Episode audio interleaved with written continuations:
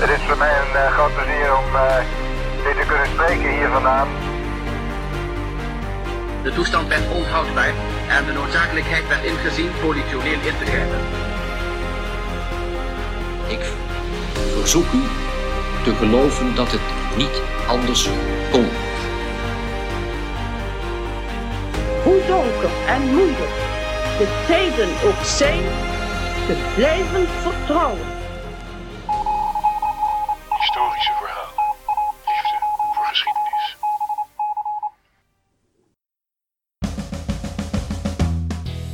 Welkom bij Historische Verhalen, de podcast. Deze keer lees ik het verhaal Het Ballet van de Nacht van Martin de Brouwer. Martin schreef vorig jaar al het korte verhaal Tour de Farce over vals spel tijdens de Tour de France van 1904. Dit keer gaan we iets verder terug in de tijd, naar 17e eeuws Frankrijk, waar hoofdcomponist Jean-Baptiste Lully smoorverliefd wordt op zonnekoning Louis XIV. Tijdens de opera Ballet Royal de la Nuit, Koninklijk Ballet van de Nacht, slaat de vonk over. Of, nou ja, van Jean op Louis tenminste. Het Ballet van de Nacht is een verhaal over nieuwe muziek, het Franse hofleven en een tergende, onbeantwoorde liefde. Luister mee.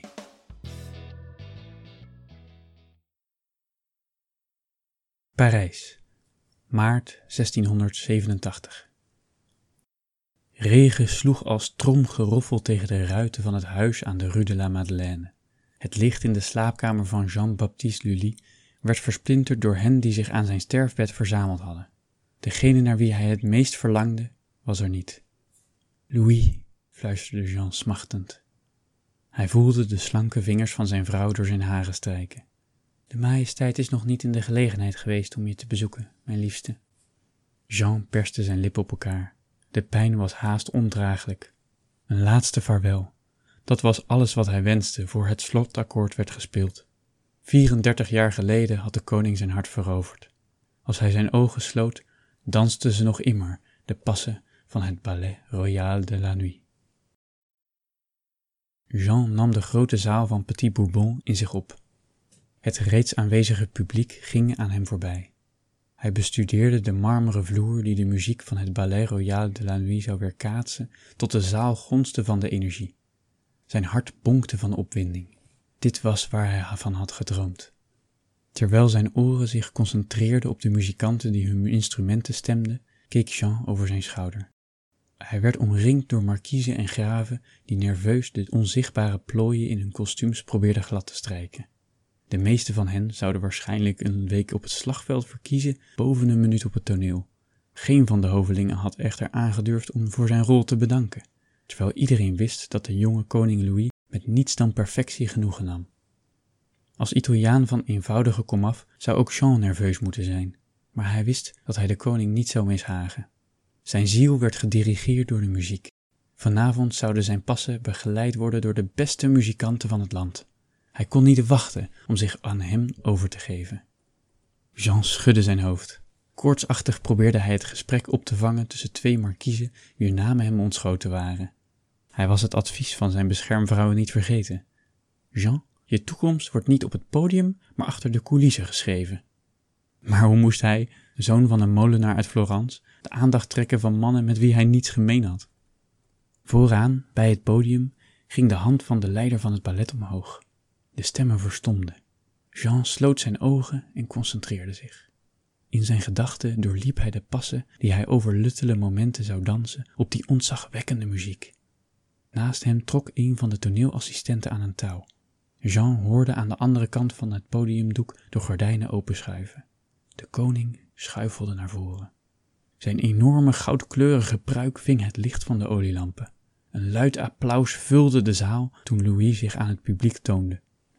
De eerste noten van het Ballet Royal de la Nuit daverden door het theater. Jeans handen waren klam van het zweet. Opgewonden wrong hij zich langs de andere dansers. Hij nam plaats achter de graaf de Canaple, een man met een ontzagwekkend postuur gehuld in jagerskostuum.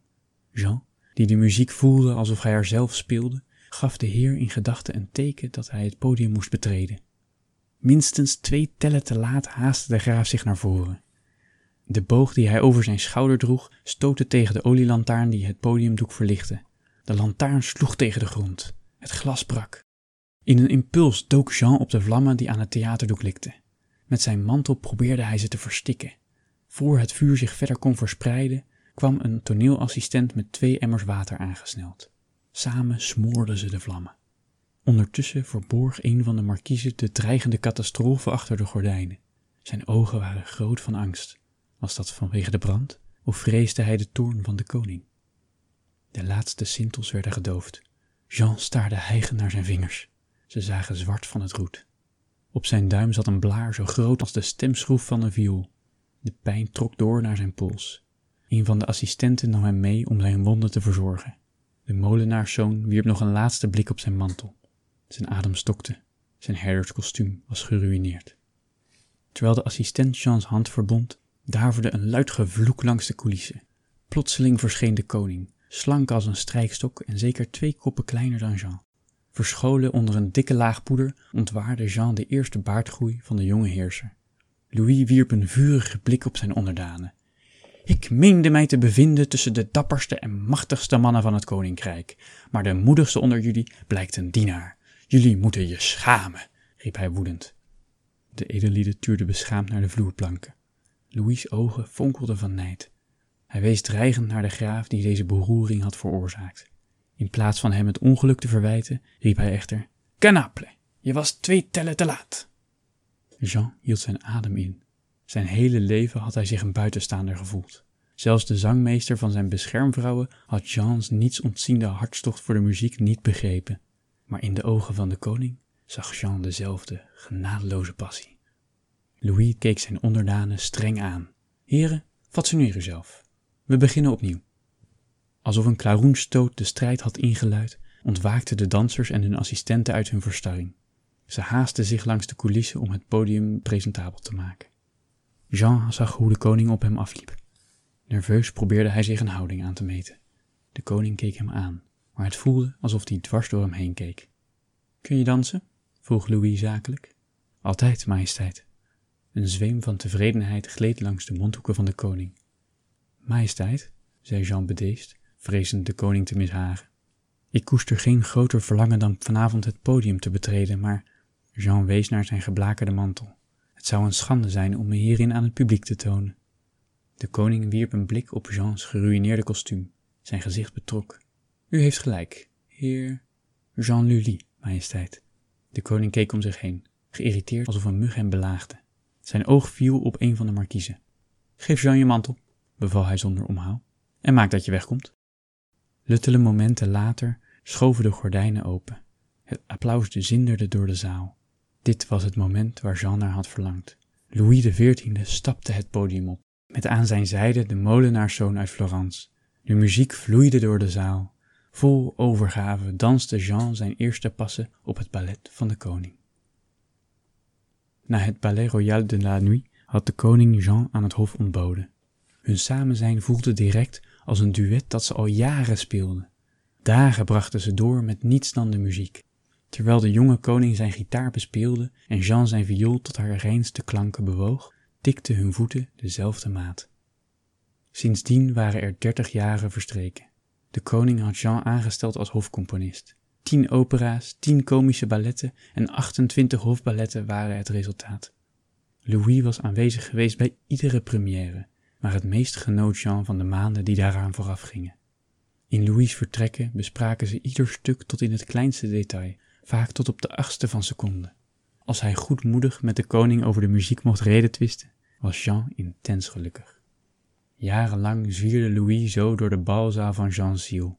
De koning ontlokte hem zijn mooiste melodieën en bewoog hem tot de bevalligste dansen. Al snel had Jean ook zijn hart aan Louis verloren. In het duet van de liefde klonk echter slechts één instrument. Het hart van de koning was onbereikbaar gebleven. Jean tekende vertwijfeld een extra bestnoot in de tweede acte van Amadis, zijn nieuwste opera. Monsieur? Jeans kamerheer wist dat hij niet gestoord wenste te worden. Geërgerd keek Jean op van zijn partituur. Amadis' schoonheid hield zich vooralsnog schuil tussen de lijnen van het notenpapier. Koning, voor zijn bediende zijn aankondiging kon voltooien, stormde Louis de werkkamer binnen. Jean! Verheugd door het onaangekondigde bezoek van de koning, sprong Jean op. Plots zong de melodie van Amadis door zijn gedachten. Ze bleek nog bevalliger dan hij had durven dromen. Een luttel moment sloot Jean zijn ogen om zich de noten in te prenten. Toen hij ze opende, zag hij pijn op het gezicht van zijn geliefde. Zijn adem stokte. De muziek was hij terstond vergeten. Mijn echtgenote Marie-Thérèse, ze... Louis' stem haperde. Ze is gestorven. De majesteit huilde als een kind. Impulsief trok Jean de koning tegen zijn borst. Koningstraden doorweekten zijn vest. Jeans hart juichte en huilde tegelijk. Nimmer was Louis zo dichtbij geweest. Voor Jean hun omhelzing in zijn diepste herinnering kon sluiten, wurmde de koning zich los. Een ogenblik staarden de koning en de hofcomponist elkaar beduust aan. Louis schudde zijn hoofd en viel terug op de afstandelijke omgangsvormen die aan het hof geëerbiedigd dienden te worden. Nooit eerder had de etikette zo'n kille barrière te zijn gevormd.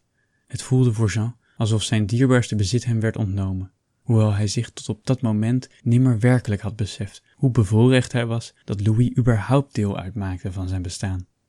Louis depte zijn tranen. Alsof het verlies niets voor hem betekende, zei hij: Ik zal Françoise, de favoriete dame van mijn echtgenote, de rouwceremonie laten organiseren. Jean kreeg een vieze smaak in zijn mond.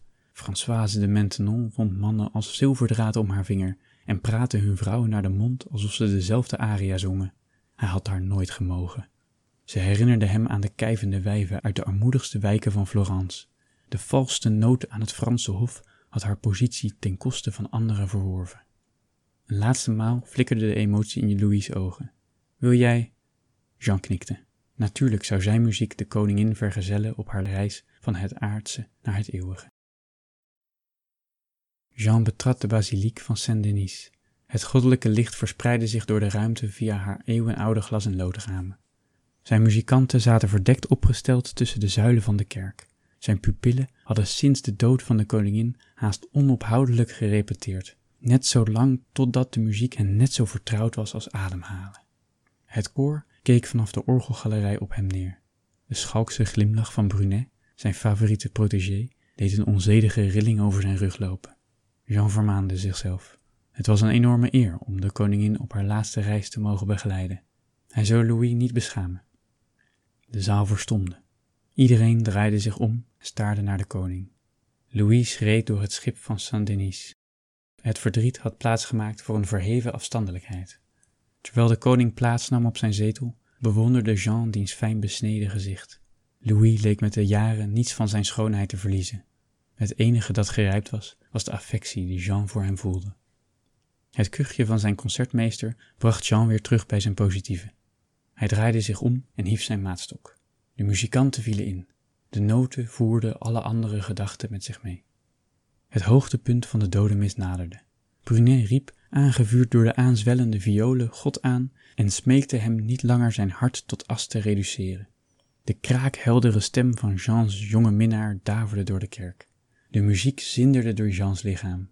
Zijn hart knapte bijna uit elkaar van vervoering. Een beweging in zijn ooghoek verstoorde de voldoening die bezit van hem nam. Françoise de Maintenon boog zich voorover en fluisterde Louis iets in het oor. Haar verliefde blik had de magie van de muziek verbroken. De rouwperiode die de Franse koning op de dood van de koningin liet volgen, had slechts drie dagen geduurd. Louis was na de uitvaart als een blok gevallen voor Françoise's maniertjes. Nauwelijks twee maanden later waren ze in het geheim getrouwd. Menig edelman had sindsdien zijn vertrekken in het paleis van Versailles moeten ontruimen. Als een instrumentenmaker boog Françoise het hof naar haar hand. De uren die Jean en de koning gewoonlijk dansend en muzicerend doorbrachten, werden sindsdien voortdurend verstoord door de verzoeken van de nieuwe koningin, eisen die Louis als een jonge hond inwilligde. Jean voelde dat Françoise hem liever kwijt dan rijk was, maar hij was ervan overtuigd geweest dat niets of niemand de vriendschap tussen hem en de koning kon verbreken. Dat vertrouwen kwam hen duur te staan. Jarenlang had de koning geklaagd over de geruchten die in de salons de ronde deden. Louis had hem meer dan eens te verstaan gegeven dat Jean de intieme contacten met de jongens uit zijn koor buiten de openbaarheid moest houden. Maar Jean had het niet kunnen helpen. Tevergeefs had hij getracht zijn verlangen naar Louis elders te bevredigen. Françoise de Maintenon moest Louis vrevel hebben aangegrepen om Jean buitenspel te zetten. Jean stond op het bordes van zijn huis aan de Rue de la Madeleine. De regen doorweekte hem tot op het bot, maar zijn ogen waren gericht op Brunet.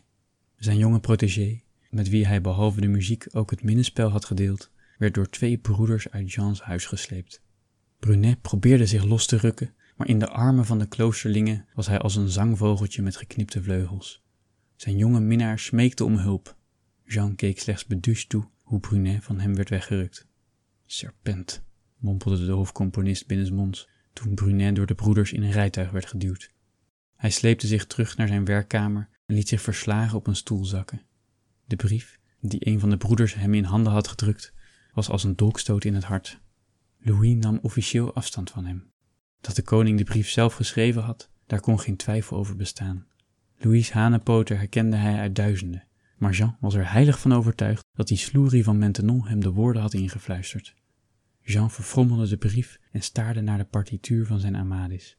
Hij zou de genegenheid van Louis terugwinnen, op de enige manier die hij kende, via de muziek. Eens zou hij weer dansen met de koning. Maandenlang had hij haast onophoudelijk gewerkt aan Amadis. Het ridderlijke thema was Louis op het lijf geschreven. De muziek was vurig en Jean wist dat de teksten de koning zouden behagen. Vlak voor hun breuk had Jean de monoloog van de tweede acte aan Louis voorgedragen. De koning was er zo door ontroerd geraakt dat Jean niet had durven bekennen dat hij de hartekreef zelf geschreven had. Bij geen van de vorige opera's had Jean zo naar de première uitgekeken. Zijn muzikanten hadden reeds plaatsgenomen. De dansers stonden klaar achter de coulissen. Jean slikte zijn zenuwen weg en betrad het podium. Het applaus daverde over hem heen, maar hij zag slechts de onbezette zetel van de koning. Ze was als een gapend gat dat alle energie uit het theater opslokte. Hij vermande zichzelf. De koning moest verplichtingen hebben die zijn onmiddellijke aandacht vereisten, want hij zou Jeans nieuwste opera niet zonder enig bericht aan zich voorbij laten gaan. Jean hief zijn maatstok. Het orkest zette in. De noten gleden zonder overtuiging door het theater. Na vrijwel iedere maat keek Jean over zijn schouder. Hij maande zijn muzikanten tot kalmte, zelfs als de partituur hen aanvuurde om het tempo op te voeren. Zijn oren waren gespitst op de krakende scharnieren van de toegangsdeuren, op de plotselinge stilte die inviel als iedereen zijn adem inhield omdat de koning de zaal betrad. Maar het enige dat Jean hoorde was de laatste noot van zijn mooiste opera. Ze luidde een grotere leegte in dan hij ooit had ervaren. Louis had de première van Amadis aan zich voorbij laten gaan. Sindsdien had de koning hem ontweken. Telkens als Jean zich aan het hof liet aandienen, wilde Louis hem niet ontvangen. Zijn brieven, die zijn hartstocht nauwelijks wisten te verhullen, bleven onbeantwoord. Het enige dat Jean resteerde waren de herinneringen aan hun uren dansen door Versailles, maar zonder Louis' aanwezigheid verloren zelfs die hun glans. Jean schudde zijn hoofd en scherpte zijn ganzenveer. Zijn eigen beslommeringen waren van geen belang.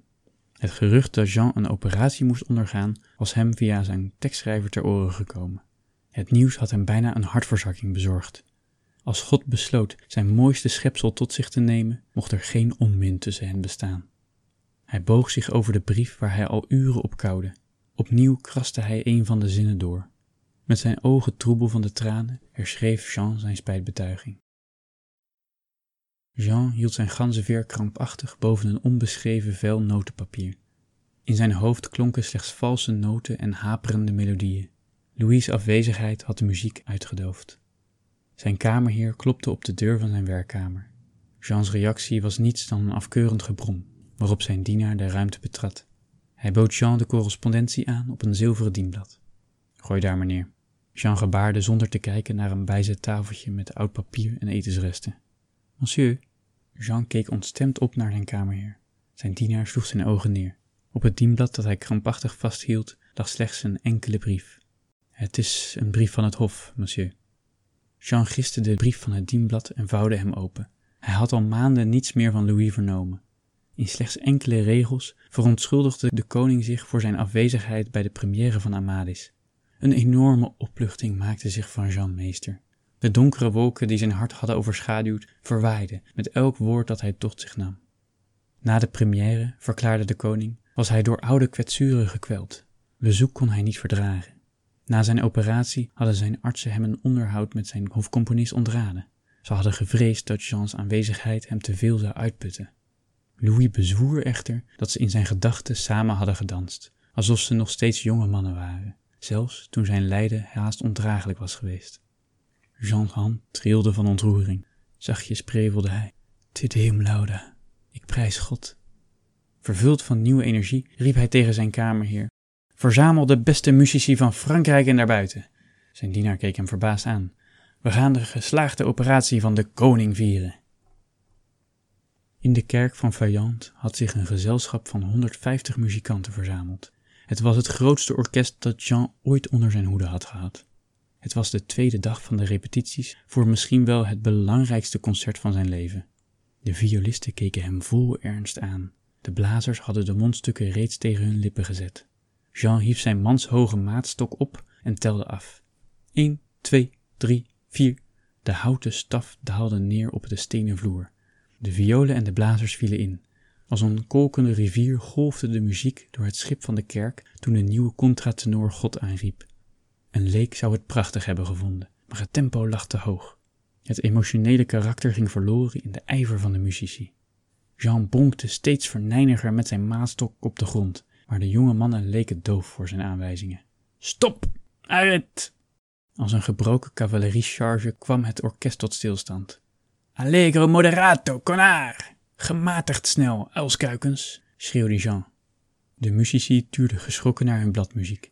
Wat jullie doen, Jean richtte dreigend zijn maatstok op de muzikanten, moet majestueus zijn en groots, als onze geliefde koning. Opnieuw. 1, 2, 3. Hij stootte fel met de lange staf op de vloer. Maar voor de eerste noot klonk, verspreidde zich een vreemd gekraak door de ruimte, vrijwel meteen gevolgd door de ijselijke gil van de hofcomponist. Beduust staarden de muzikanten naar Jean, die jammerend door zijn benen zakte. De concertmeester snelde op hem af en boog zich over hem heen. De zijden schoen van de grootste componist van Frankrijk was met bloed doordrenkt. Jean had met zijn maatstaf zijn voet doorboord. Direct na het ongeluk was Jean overgebracht naar zijn huis aan de Rue de la Madeleine. Daar verzorgden de beste artsen van Parijs zijn voet. Geurende schalen met genezende kruiden omringden zijn bed. Zijn liefhebbende vrouw, die hij gedurende hun hele huwelijk had getart met zijn romantische escapades, had zelfs een dokter uit Vlaanderen over laten komen. Maar ook die had met zijn kwalijk riekende smeersels niets uit kunnen richten tegen de zich snel verspreidende infectie. Het koudvuur had zich inmiddels van zijn voet naar zijn been verspreid. De wond stonk zo erg dat de dokters hun neuzen bedekten voor ze de slaapkamer betraden. Wanhopig staarden ze keer op keer onder de dekens, waarna ze, zonder een woord tot hem te richten, weer vertrokken. Op de gang hoorde Jean hen kibbelen. Daar durfde de dapperste onder hen uit te spreken wat niemand in zijn bijzijn had willen zeggen. Hij stelde voor om Jeans voet te amputeren. Jean, zijn vrouw nam plaats op de rand van zijn bed en kneep in zijn hand. De hofarts van de koning is hier. Jean wendde zijn hoofd af. Vannacht, toen de pijn hem de slaap belette, had hij angstig een blik onder de lakens geworpen. Zijn voet was zwart als de nacht. Zal ik hem binnenlaten? Jean schudde zijn hoofd. Hij had slechts één verlangen, maar de koning had zijn ziekenbed niet bezocht. Krampachtig hield hij zich vast aan Louis' laatste brief. De koning had net als hij steun gevonden, denkend aan de uren die ze samen hadden doorgebracht. Jean herinnerde zich Louis' laatste woorden tot in het kleinste detail. Gewoonlijk pende de koning zijn orders neer als zweepslagen, maar deze zinnen waren met de grootste tederheid op papier gezet. Jean huiverde. De eenzaamheid benam hem plots de adem. Ik smeek je, Jean, om hem te ontvangen. Françoise de Maintenon heeft haar hofarts persoonlijk opgedragen om je te helpen. Als een paukenslag drong het tot Jean door. Louis' laatste vaarwel was een oorverdovende stilte. Jean, zijn vrouw depte zijn tranen met een zijden zakdoek. Nee, fluisterde Jean met gebroken stem. Ik laat mijn voet niet amputeren. Zelfs als onze passen alleen in mijn herinnering voortleven, zal ik met Louis dansen tot mijn laatste nacht sterft in de dageraad.